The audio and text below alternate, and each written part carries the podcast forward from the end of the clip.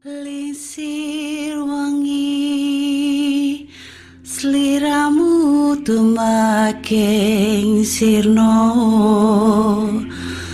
Ojo tangi kan mukulin Awas jok ngetorok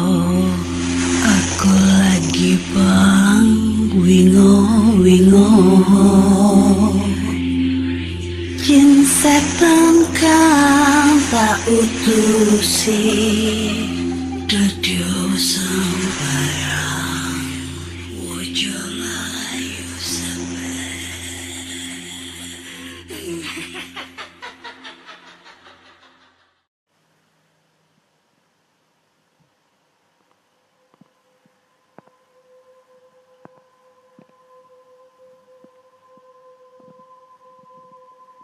Assalamualaikum warahmatullahi wabarakatuh.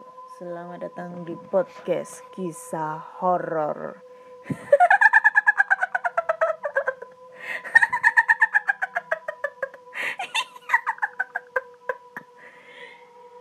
Masih bersama dengan Ana di sini akan membacakan cerita horor ataupun email berhantu yang sudah dikirimkan teman-teman melalui podcast kisah horor at gmail.com ataupun di DM Instagram podcast kisah horor dan DM Instagram Mano Olive. udah satu minggu lebih ya kayaknya. Aku nggak pernah up episode terbaru ya karena kemarin lagi sibuk. Di satu sisi lain lagi ada problem sedikit gitu ya tentang masalah hati. Jadinya nggak mood banget buat cerita-cerita gitu ya buat ngapa-ngapain gitu ya. Sampai banyak banget yang komen story aku yang lagi galau-galau gitu. Ya kayak gitulah kehidupan. Ada ada senang ada sedih gitu ya. So kali ini aku akan membacakan cerita-cerita horor yang sudah dikirimkan teman-teman melalui Instagram sama email. Udah banyak banget udah banyak banget yang nge-DM juga. Episode terbaru kapan? Episode terbaru kapan? Episode ke-70 kapan di up dan ini sekarang aku akan meng-up episode terbaru yang kebetulan Hari ini hari Kamis tanggal 7 Januari 2021. Sebelumnya selamat ulang tahun untuk teman-teman yang merayakan ulang tahunnya di hari ini ya. Semoga panjang umur, saya selalu dan dilancarkan rezekinya. Oh ya, aku juga mau apa ya mengucapkan banyak terima kasih buat Shirley, uh, salah satu pendengar podcast kisah horor. Uh, dia tadi ngirimin t-shirt ya, t-shirt box gitu ada dua pitch. Uh, thank you banget. Enak banget dessertnya itu katanya bikinan dia sendiri. Ah hujan-hujan makan dessert enak banget. Ditambah bakso oh ya mantap. Thank you ya Shirley Jangan lupa nanti kirim-kirim lagi ya. Dan masih dibuka endorse-endorse makanannya. Cile, biar biar semangat gitu ngebacainnya. Nggak, nggak bercanda-bercanda Oke, okay, Kali ini aku akan membacakan cerita horor dimulai dari Instagram ya di episode 70 kali ini. Assalamualaikum Kak Ana, Waalaikumsalam. Aku Anissa. Pengen menceritakan pengalamanmu. Eh, pengalamanku ya, mungkin dia. Dimulai waktu aku berada di rumah sakit di daerah Jakarta Barat Waktu itu aku sedang bergantian menunggu adik aku yang lagi dirawat di rumah sakit itu. Waktu udah mulai jam 11 atau jam 12-an waktu itu. Aku agak lupa jamnya. Nah, jadi saat aku lagi duduk, tiba-tiba aku mulai bosan duduk di situ. Aku pun segera keluar untuk membeli beberapa minuman di depan rumah sakit itu. Ya memang rumah sakit itu nggak ada kantinnya, jadi aku harus keluar dulu buat beli minuman. Dan saat aku keluar buat membeli minuman, aku melewati beberapa lorong. Rumah sakit kan emang identik dengan lorong-lorong ya kak.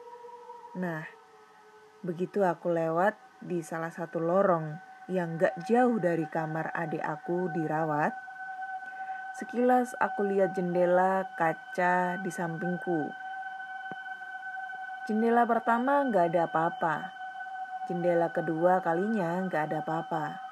Dan pas di jendela ketiga yang deket lift, aku ngerasa kayak ada sosok tinggi hitam sedang berdiri di sebelah kiriku tepat dia menghadap ke jendela itu. Aku pun sontak kaget dalam hati. Tapi aku tetap berpikir positif. Ah, mungkin hanya sekedar bayangan yang kesorot lampu terus ketutupan tembok. Aku pun melanjutkan perjalananku dan sampailah di depan lift yang ingin aku naiki. Keadaan di rumah sakit memang sepi karena jam besuk udah habis. Jadi tidak ada orang yang berlalu lalang lagi di situ. Hanya ada perawat yang terkadang lewat. Ketika aku sampai di tempat di tempat di lantai yang aku tuju, aku pun keluar lift dan melihat keadaan sudah sepi. Bahkan lampu tempat mendaftarkan pasien pun sudah diredupkan aku memilih ngambil jalan yang agak terang buat aku lewatin. Nah, tepat di jalan yang aku lewatin terdapat kamar mandi. Ketika aku lewat tepat sekali di depan kamar mandi, aku mendengar suara orang menangis perempuan. Sejenak aku berhenti, tapi tidak berani menengok ke arah kamar mandi itu. Pikirku saat itu adalah mana mungkin jam segini ada orang di kamar mandi. Apalagi ini udah sepi. Udah hampir tengah malam. Terus siapa yang nangis malam-malam gini?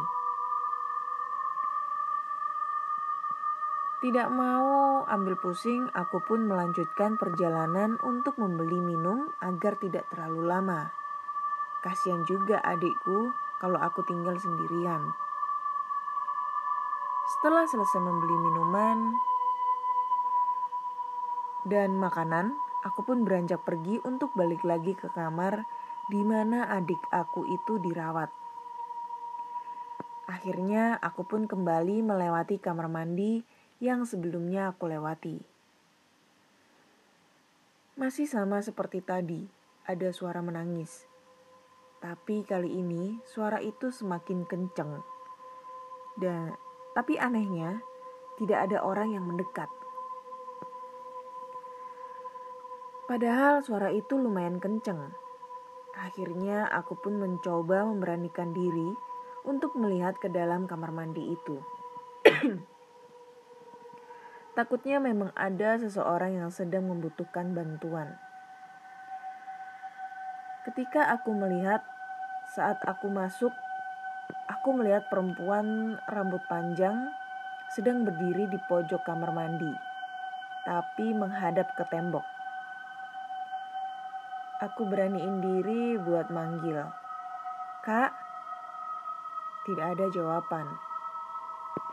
Eh, gak berselang lama perempuan itu membalikan badannya dan betapa kagetnya aku saat melihat wajahnya yang sangat pucat.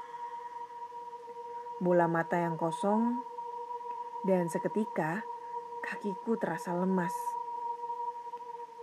Aku pun mencoba mencoba pergi dan setengah berlari dari tempat itu menuju kamar tempat adik aku dirawat.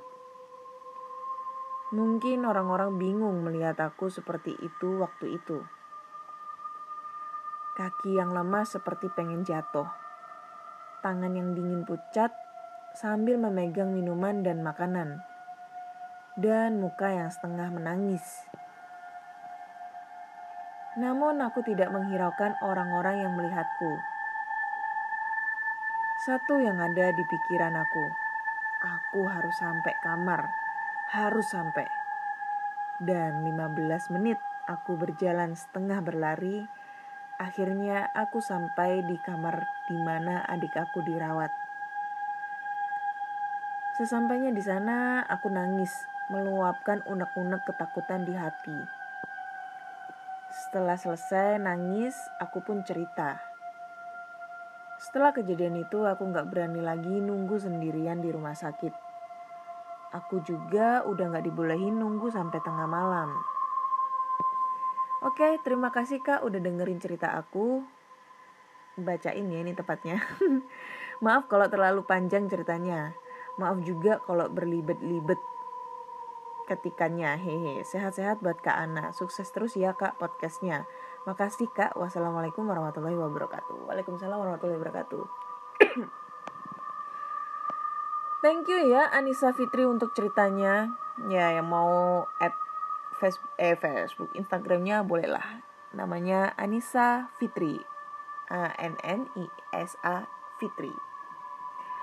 Cerita rumah sakit ya. Ini rumah sakit itu cerita rumah sakit itu dari cerita episode pertama sampai episode 70 itu udah banyak banget ceritanya ya mengenai rumah sakit dari Sabang sampai Merauke ya di Jakarta, Makassar, di mana lagi Bogor, di Surabaya, terus di Semarang, terus di mana lagi? Banyak banget deh cerita rumah sakit. Dan memang ya rumah sakit itu cerita tentang rumah sakit itu identiknya itu pasti nggak jauh-jauh dari hal mistis gitu ya. Maksudnya hal-hal serem yang pernah kita alami selama kita mungkin dirawat di rumah sakit ataupun nungguin yang lagi sakit gitu tidur di sana.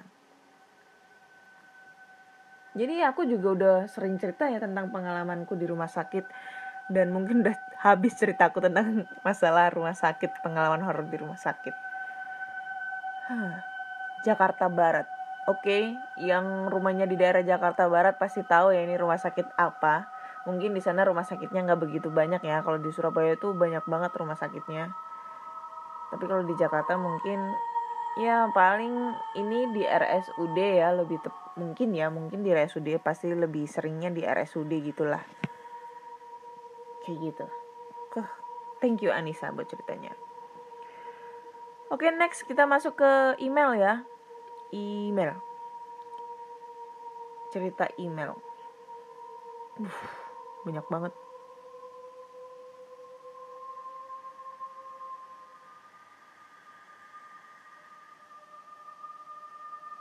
Bingung ini sampean mana ya Bentar. Oke, cerita dari email. Bu, lemot seketika. Nah, ini dia.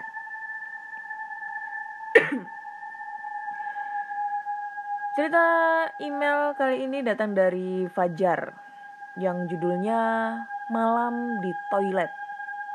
Oke, langsung aja kita bacakan ceritanya.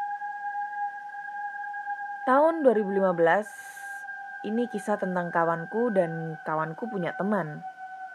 Sebut saja namanya Irfan. Suatu hari di kampus dengan rutinitas seperti biasa, Irfan, Hari, Denny, dan 11 orang lainnya sedang mengisi waktu dengan bermain futsal di gedung olahraga kampus tersebut. Sore itu pukul 6 sore. Permainan cukup melelahkan karena mereka bermain selama kurang lebih 3 jam dari pukul 3 sore. Irfan, Harry, dan Denny dan 11 orang lainnya beristirahat di salah satu stand yang di stand tersebut ada kursi panjang dan meja panjang sehingga mereka bisa duduk dan mengobrol sehabis berolahraga. Waktu menunjukkan pukul 11 malam. Tidak terasa mengobrol dan bercanda dengan teman hingga lupa waktu. Akhirnya satu persatu dari sebelas orang tadi berpamitan untuk pulang. Dan tersisa Irfan, Hari, dan Denny di stand samping lapangan futsal yang ada di kampus itu.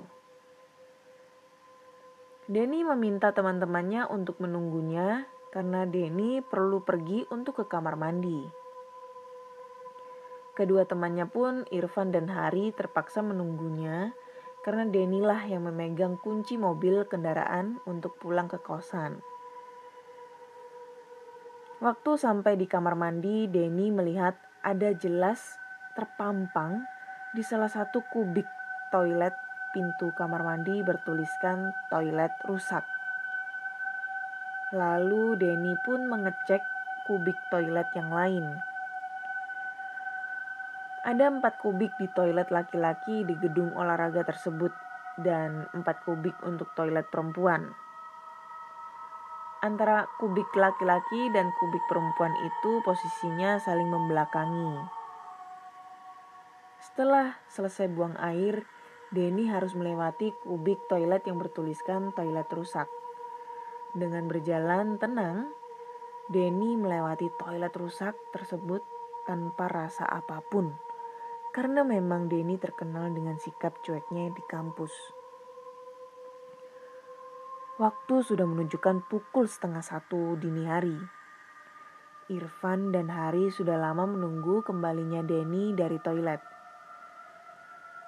Karena rasa bosan, akhirnya Irfan dan Hari menyusul Denny ke toilet. Belum sampai ke toilet, Denny sudah terlihat kembali dan terlihat berjalan menuju arah Irfan dan Denny. Irfan pun memanggil Denny. Denny, cepet, ayo pulang. Suaranya hampir terdengar oleh area gedung olahraga karena memang suasananya sudah sangat sepi. Ada yang aneh dengan sikap Denny waktu dipanggil Irfan dari kejauhan. Respon Denny bukannya mempercepat langkahnya untuk menghampiri Irfan dan Hari, tapi malah terlihat seperti hanya melambai-lambaikan tangannya kepada Irfan dan Hari dan mengajak mereka untuk mendekat ke arah Denny. Irfan pun kesal dan membuat suara keras lagi. Ayo, lu mau pulang kagak? Suaranya terdengar ke seluruh gedung olahraga.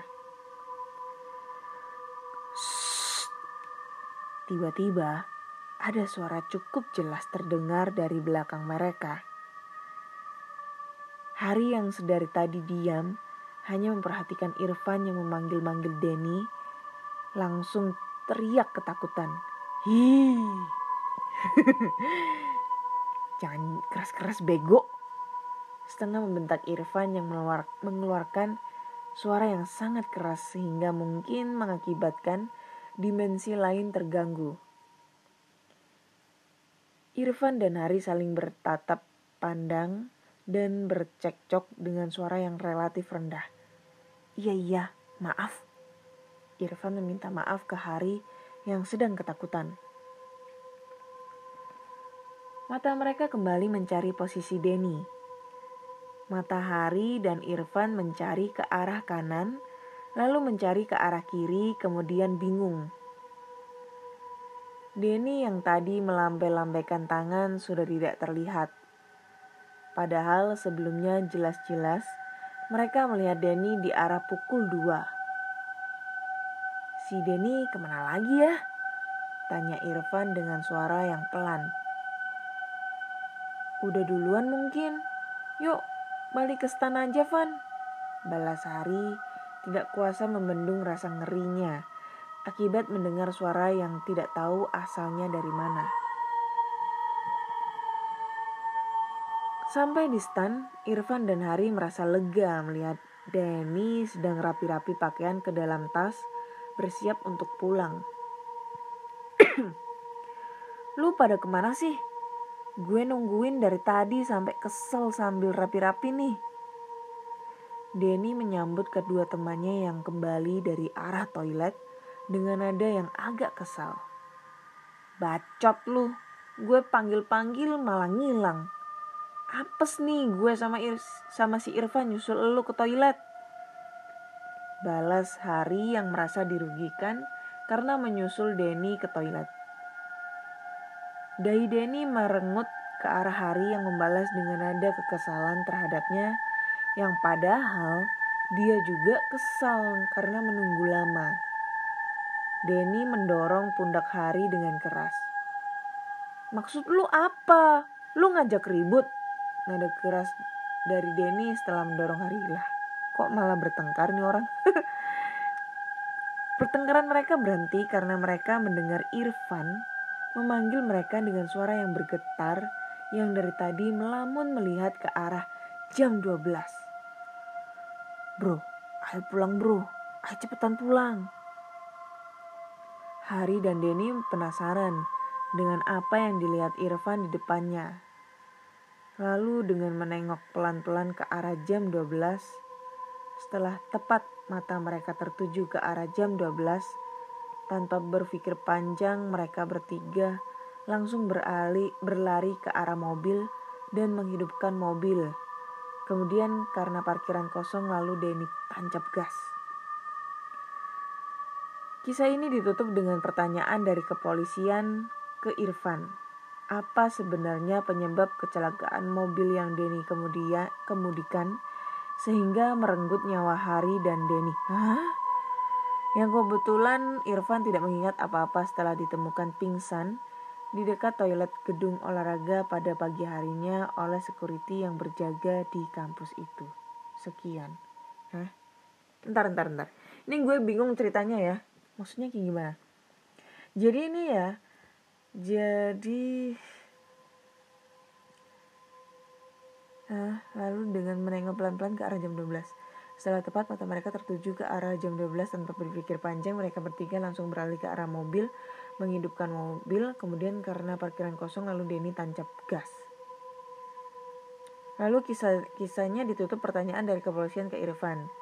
Karena Denny meninggal bersama Hari yang kebetulan Irfan gak ingat apa-apa setelah ditemukan pingsan di dekat toilet gedung olahraga.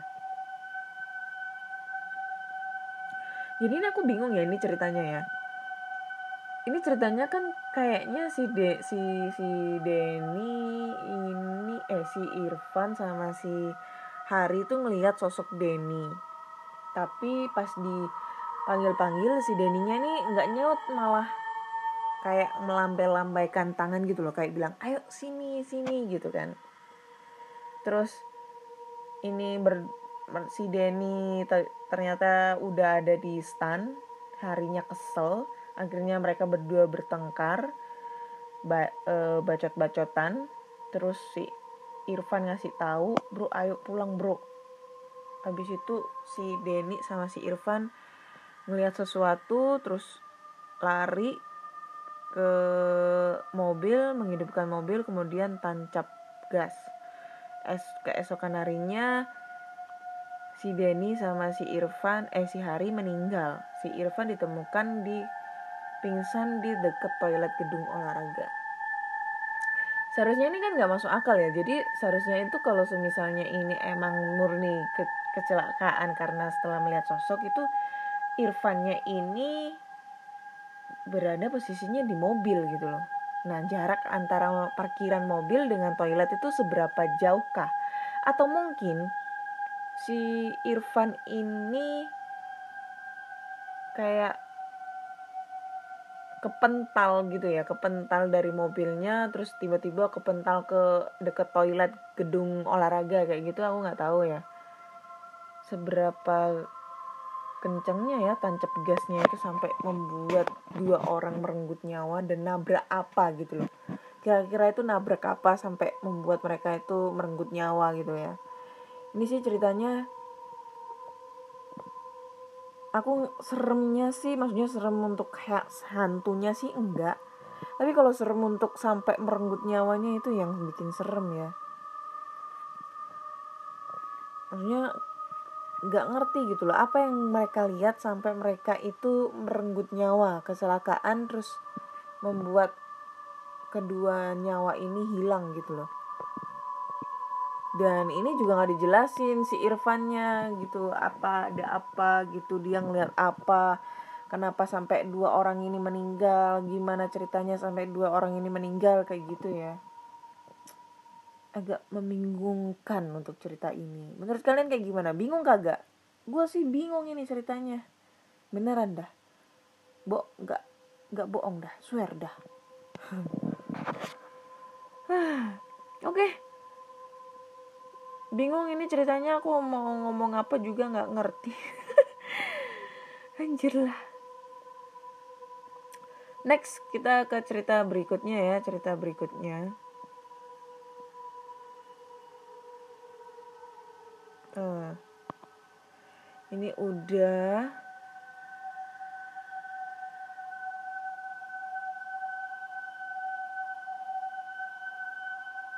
ini ini nenek tua. Oh ini udah. Jadi di sini.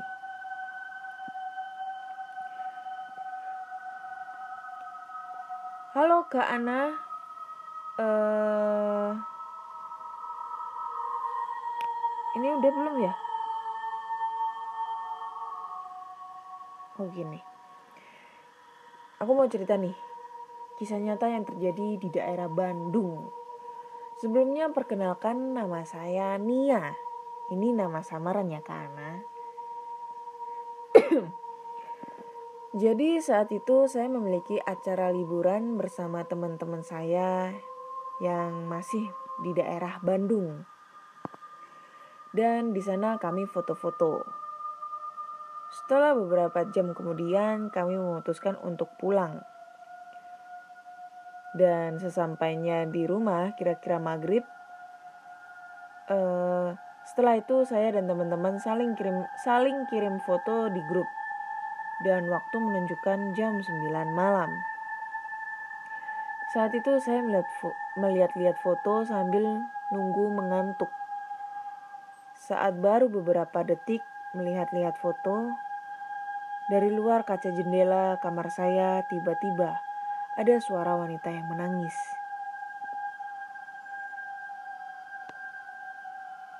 Bentar-bentar ini udah apa belum ya? Kok kirim lagi ya? Ini udah. Ya elah, copy paste ini mah. Gila. Sorry sorry ya, ini gak jelas ini ini aku ingat udah ini kok dikirim lagi ya ya gini lah kalau aku nggak ada nggak bisa menyaring menyaring cerita-cerita yang udah apa belum ini hmm.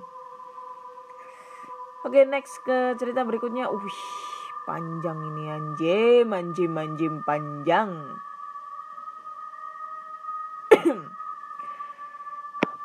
oke okay. halo kak Ana kali ini aku akan menceritakan tentang kisah perjalananku selama dua hari satu malam dengan kereta Bima, Jakarta, Surabaya. Perjalanan kali ini seperti halnya perjalanan sebelumnya.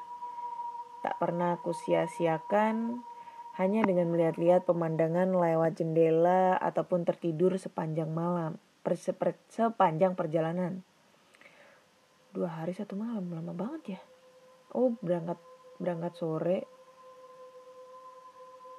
datangnya besoknya. Gitu iya.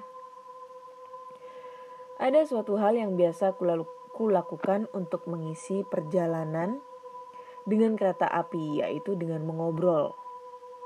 Mengobrol merupakan cara yang ampuh untuk mengusir rasa bosan dan juga baik untuk kesehatan terutama otot-otot muka guna menjaga keremajaan kulit dan elastis elastisitasnya.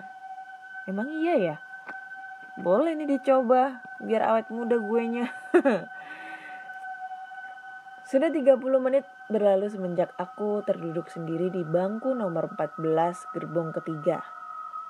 Kulihat bangku nomor 15 yang terletak di sebelahku belum juga terisi penumpang dan juga bangku nomor 13 dan 12 yang terletak di hadapanku kosong sama sekali. Kalau begini, gimana aku bisa dapat temen ngobrol? Ting teng, ting teng. Lima menit lagi kereta Bima akan segera diberangkatkan. Wih, gitu ya ngomongnya ya. Begitu bunyi pengumuman, pengumuman dan petugas stasiun.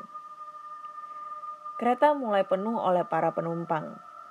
Semua bangku telah terisi, kecuali tiga buah bangku yang ada di dekatku. Tak juga ada yang menempati. Sudah 40 menit aku menunggu teman seperjalananku. Namun mungkin takdir berkata lain. Di perjalanan kereta kali ini mungkin akan kulewatkan dengan tidur atau melihat-lihat pemandangan saja.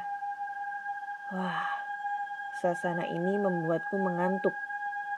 Mataku mulai berkaca-kaca. Tak terasa aku pun terlelap untuk beberapa waktu. Roeng. Hah, bunyi apa itu? Aku tersentak dan bangun dari tidurku.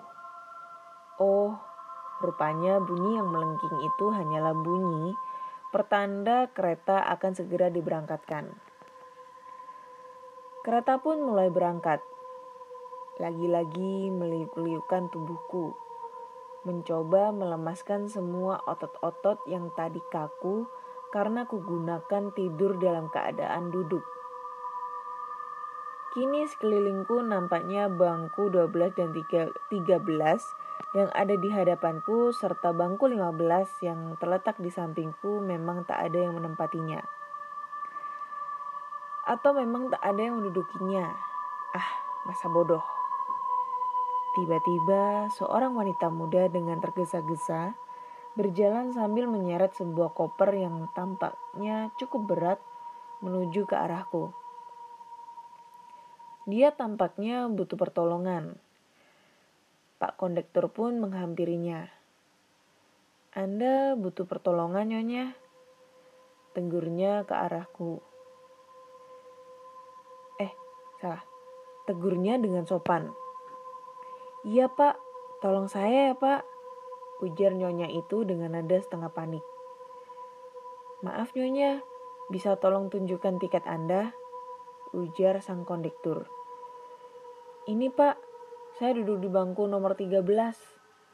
Jawabnya dengan nafas terengah-engah. Oh, bangku nomor 13. Ada di sebelah sini, Nyonya. Silahkan. Anda bisa duduk dan tenangkan diri Anda terlebih dahulu. Ujarku memotong pembicaraan mereka. Pak kondektur pun, eh, Pak kondektur, anak saya, Pak. Anak saya hilang di kereta ini ujar nyonya itu yang tampaknya tak menghiraukan. menghiraukan perkataanku. Pak kondektur pun berkata lagi pada nyonya itu dengan lembut. Nyonya, Anda bisa duduk dulu di bangku dan ceritakan semua kejadiannya pada kami. Mendengar hal itu kemudian si nyonya pun akhirnya duduk dan kemudian mulai mencoba menenangkan diri. Setelah merasa cukup tenang, ia pun bercerita. Begini Pak Kondektur, aku naik ke kereta ini bersama anak laki-lakiku yang bernama Andi. Ketika kami tiba di stasiun, kereta hampir saja berangkat. Karena takut ketinggalan kereta, aku pun menaikkan Andi terlebih dahulu. Kemudian, eh, terlebih dahulu, Kemudian aku turun lagi untuk membawa koper yang kutitipkan pada seorang penjual makanan yang menunggu di depan pintu masuk gerbong lima kereta ini. Sementara itu, Andi kusuruh mencari tempat duduk nomor 13 dan 14 yang telah kami pesan. Saat itu para penumpang masuk secara berdesakan. Mungkin mereka juga tak ingin ketinggalan kereta. Bahkan, ketika aku ingin masuk, Hampir saja aku terdorong keluar oleh penumpang lain yang juga turut berdesak-desakan. Dan sesampainya di dalam kereta, aku mencari-cari Andi dan tidak menemukannya. Oh, begitu, ujar kondektur mangkut-mangkut. Begini saja Nyonya, sekarang saya akan mencari anak Nyonya dan Nyonya silakan tunggu di sini. Oh iya, Apakah Nyonya yakin kalau anak Nyonya sudah masuk ke dalam kereta ini? Tanya Pak Kondektur. Saya yakin Pak, anak saya tak mungkin keluar lagi. Karena ketika kami masuk, para penumpang yang lain juga masuk, bahkan hingga berdesak-desakan. Sehingga tak mungkin ia bisa keluar, jelas Nyonya itu. Oh ya, bagaimana ciri-ciri anak Nyonya? Anak saya memakai baju kemeja warna biru laut dan celana pendek warna hitam. Umurnya 10 tahun. Dan tingginya sekitar 150 cm. Ia berkacamata dan rambutnya hitam lurus, jawab nyonya itu. Ya cukup jelas, kami pasti menemukannya, ujar sang kondektur meyakinkan nyonya itu. Lima menit telah berlalu, namun si kondektur tadi tak, tak juga kembali. Nyonya itu tampak masih gelisah sejak tadi. Wajahnya memerah dipenuhi sejuta penyesalan. Maaf nyonya, mau permen? Ujarku seraya menyodorkan lima bungkus permen coklat yang tadi ku beli dari pedagang kaki lima. Hmm, maaf, terima kasih, ujarnya menolak. Tenang saja nyonya, tak perlu gelisah. Anak nyonya pasti ditemukan. Mungkin saja dia tadi bingung dan tersesat di gerbong lain. Kereta ini kan hanya terdiri dari beberapa gerbong. Dan anak nyonya tak mungkin akan jauh-jauh pula dari sini, ujarku mencoba menenangkannya. Oh iya, tujuan nyonya mau ke mana? Oh, saya mau ke Surabaya, ke rumah kakak ipar saya untuk mengabarkan suatu hal jawab nyonya itu. Lalu suami Anda, dia baru saja wafat tiga hari yang lalu. Oh maaf nyonya, saya turut berduka cita atas wafatnya suami nyonya. Waktu pun telah berlalu dua jam lamanya. Hari kini mulai beranjak sore. Kereta api delapan gerbong yang kini kunaiki mulai menembus senja. Obrolanku dengan nyonya ini semakin menarik saja dan nampaknya si nyonya mulai melupakan anaknya yang belum juga ditemukan. Saat ini aku mulai tahu banyak tentang nyonya, in, nyonya itu. Ternyata yang duduk di bangku nomor 12 adalah anaknya yang duduk di bangku nomor 15. Yang ada di sebelahku adalah suaminya yang kini telah wafat semenjak tiga hari yang lalu. Suaminya adalah seorang polisi lokal. Ia wafat karena tertembak ketika terjadi baku tembak dengan para perampok bank tiga hari yang lalu. Semula mereka bertiga memang hendak liburan ke rumah nenek anak, anak semata wayangnya di Surabaya. Kematian sang ayah pada mulanya membuat rencana kepergian sinyonya dibatalkan. Namun karena sinyonya kemudian mendapatkan kabar bahwa ibundanya di kampung halaman sedang sakit keras dan dengan pertimbangan tiket yang sudah dipesan, jadilah mereka berdua memaksakan diri pergi ke Surabaya meskipun masih dalam suasana duka. Maaf nyonya, apa makanan favoritmu? Tanyaku. Hmm, aku amat menyukai coklat. Suamiku dan anakku juga menyukainya. Coklat sudah lama menjadi makanan favorit keluarga kami, jawabnya. Kalau Anda, Tuan? Hmm, aku juga suka coklat. Tapi terkadang aku juga suka permen dan juga kembang gula.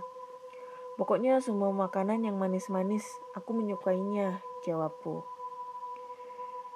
Tiba-tiba si nyonya itu mengeluarkan sebuah kotak dari tas kecil yang dipangkunya. Dan ia membuka kotak itu. Ternyata isinya adalah coklat. Anda mau coklat, Tuan? Ujarnya seraya menyodorkan kotak itu ke arahku. Aku pun mengambil tiga bungkus coklat dari kotak itu. Terima kasih Nyonya, ucapku seraya menaruh dua bungkus coklat ke dalam saku kemejaku. Sementara yang sebungkus lagi, ku buka dan ku masukkan ke dalam mulutku. Bagaimana rasanya tuan? Tanya nyonya itu. Uh, enak sekali, jawabku. Ini kayak baca novel ya aku ya. nyonya, itu cukup menarik untuk dijadikan teman ngobrol. Setelah sekian lama mengobrol, tampaknya aku mulai suka padanya. Hmm, mengambil kesempatan dalam kesempitan. Wanita itu lumayan cantik. Wajahnya sangat ayu dengan bibirnya yang manis. Matanya juga indah. Rambutnya tergerai lurus sepinggang. Lama-lama aku merasa tertarik kepadanya. Hatiku mulai bertanya-tanya, apakah aku telah jatuh cinta? Dalam sekejap kami menjadi lebih akrab. Rupanya si nyonya itu juga suka, suka mengobrol sepertiku. Kami pun melanjutkan obrolan kami hingga lupa waktu. Sejam kemudian Pak Kondektur datang mengantarkan seorang anak berambut lurus dan berkacamata. Oh, anakku. Sinyonya sejenak tersentak melihat anaknya. Lalu memeluknya sambil meneteskan air mata. Ia baru ingat bahwa anaknya telah hilang di kereta beberapa jam yang lalu. Dengan perasaan bersalah, ia pun memeluk anaknya erat-erat sambil menangis. Aku dan Pak Kondektur hanya bisa memandang kedua anak dan ibu itu sambil tersenyum lega. Setelah itu si nyonya itu pun kemudian berterima kasih pada Pak Kondektur.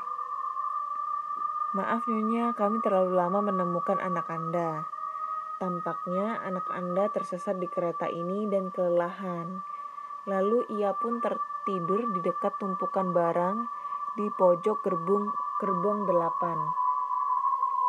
Tadinya kami tak mengira anak itu bersembunyi di sana.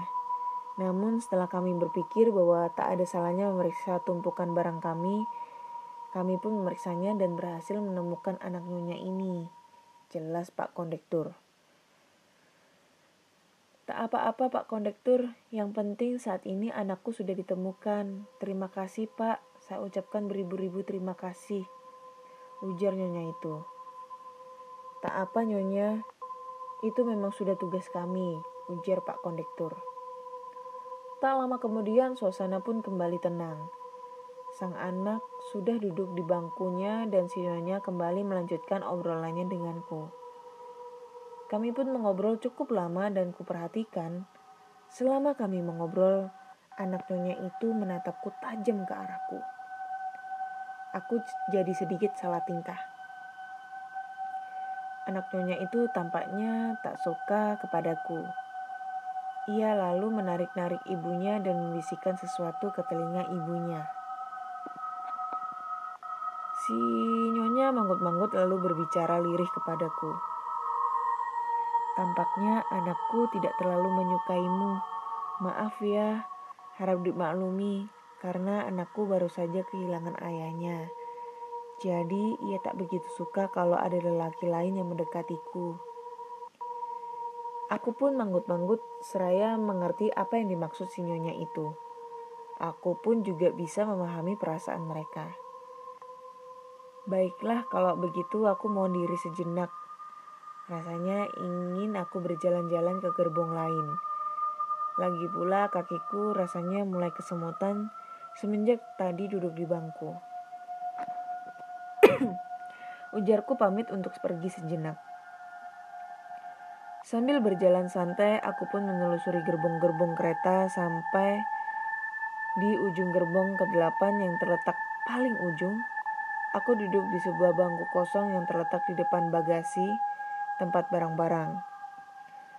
Bangku-bangku di gerbong delapan nampaknya banyak yang kosong. Aku kemudian menatap keluar jendela sambil memandang bulan purnama yang membumbung tinggi di luar sana.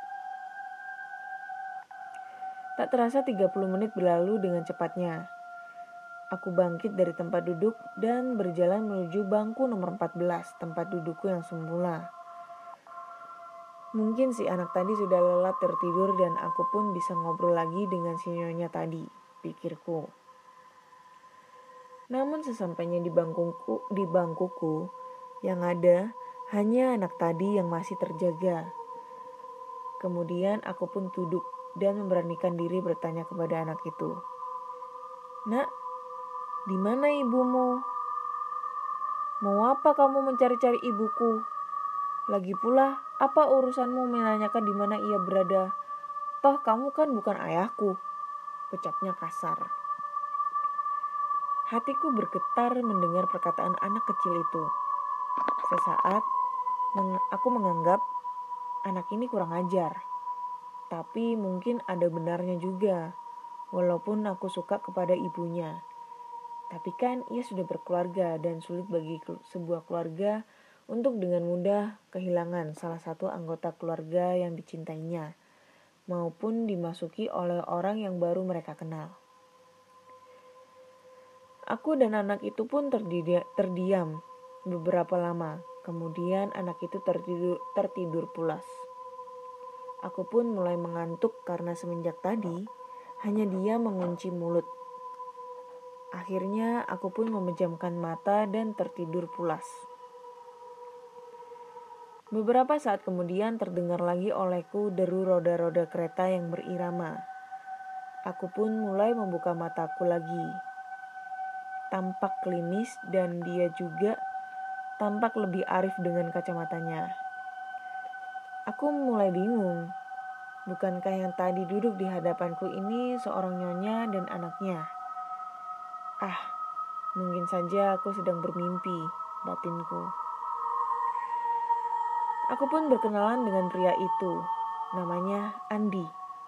Persis seperti nama anak kecil yang ketemui dalam mimpiku tadi dan kami pun mengobrol tentang segala hal.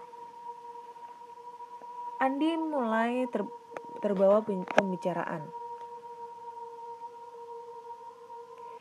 Begitu pula denganku, kami saling berbagi pengalaman, berbagi cerita dan juga berbagi alamat dan nomor telepon. Oh ya Tuan, maukah engkau kuceritakan sebuah kisah menarik saat aku berumur 10 tahun? Tanya Andi. Oh, tentu saja, jawabku. Baiklah akan kuceritakan. Andi pun bercerita tentang pengalamannya ketika ia berusia 10 tahun. Ketika itu ia tersesat di gerbong kereta dan tidur di bagasi barang. Dan saat ditemukan dan dibawa oleh kondektur menemui ibunya, ia mendapati ibunya sedang asik mengobrol dengan seorang pria yang tak ia kenal dan ia pun akhirnya merasa cemburu karena belum lama ayahnya meninggal. Ia tak ingin punya ayah yang baru karena ia amat mencintai ayahnya. Andi menyuruh ibunya agar berhenti mengobrol dengan lelaki itu dan menyuruhnya pergi. Lalu sesudah lelaki itu pergi, Andi bertengkar dengan ibunya sehingga ibunya kesal dan akhirnya pergi untuk pindah kerbong. Ketika ibunya telah pergi, lelaki yang semenjak tadi mengobrol dengan ibunya datang kembali dan menanyakan tentang keberadaan ibunya. Andi menjawab dengan nada ketus. Mau apa cari -cari, kamu cari-cari ibuku? Lagi pula, apa urusanmu menanyakan di mana ia berada? Toh, kamu kan bukan ayahku. Aku merasa bersalah dengan perbuatanku terhadap lelaki itu dan ingin rasanya aku memohon maaf atas sikapku sikap kasarku dulu kepadanya. Andi menutup ceritanya. Lalu di mana ibumu saat ini? Tanyaku. Ibuku pindah gerbong dan ternyata ia pindah ke gerbong belakang. Beberapa saat setelah aku tertidur, aku merasa aneh dan beranjak dari tempat dudukku. Tiba-tiba terjadi tabrakan antara kereta yang kutumpangi dengan kereta lain. Saat itu aku berada di gerbong tiga dan selamat dengan dan selamat. Sedangkan ibuku rupanya tewas karena ia pindah ke gerbong belakang yang hancur akibat tabrakan itu. Aku amat menyesal seandainya saja aku membiarkan ibuku tetap mengobrol dengan pria itu. Mungkin ibuku tak akan pindah gerbong dan menyusul ayahku ke alam baka. Andi menjelaskan lebar uh, Andi menjelaskan panjang lebar untuk kesekian kalinya. Aku turut bersedih atas pengalamanmu yang amat menyedihkan. Ujarku bersimpati. Dalam hati aku berpikir mungkinkah aku melenggang ke masa lalu selama aku tertidur. Ataukah mimpi itu hanya kebetulan saja. Boleh aku tanya sesuatu? Tanyaku. Oh iya, silakan, jawab Andi. Aku ingin tahu, saat kau terbangun sebelum kecelakaan itu, kau tahu di mana pria yang duduk di hadapanmu? Tanyaku lagi. Kurasa ia pergi ke gerbong lain saat aku tertidur. Yang jelas, aku tidak menemukannya saat aku terbangun. Seribu satu tanda tanya mulai memusar di dadaku. Apakah benar pria yang ada di masa lalu itu adalah aku? Sesaat aku masih ingin ingat senyuman nyonya yang tadi duduk di bangku nomor 13 dan mengobrol denganku sambil menunggu anaknya ditemukan. Hatiku mulai gundah. Tak mungkin ini suatu kebetulan, tapi bagaimana bisa? Maaf tuan, apa kau suka berjalan-jalan dengan kereta? Andi tiba-tiba memotong lamunanku. Oh, iya tentu saja, jawabku gugup. Selama hidupku aku merasa dihantui perasaan bersalah terhadap pria yang kucaci maki 10 tahun yang lalu.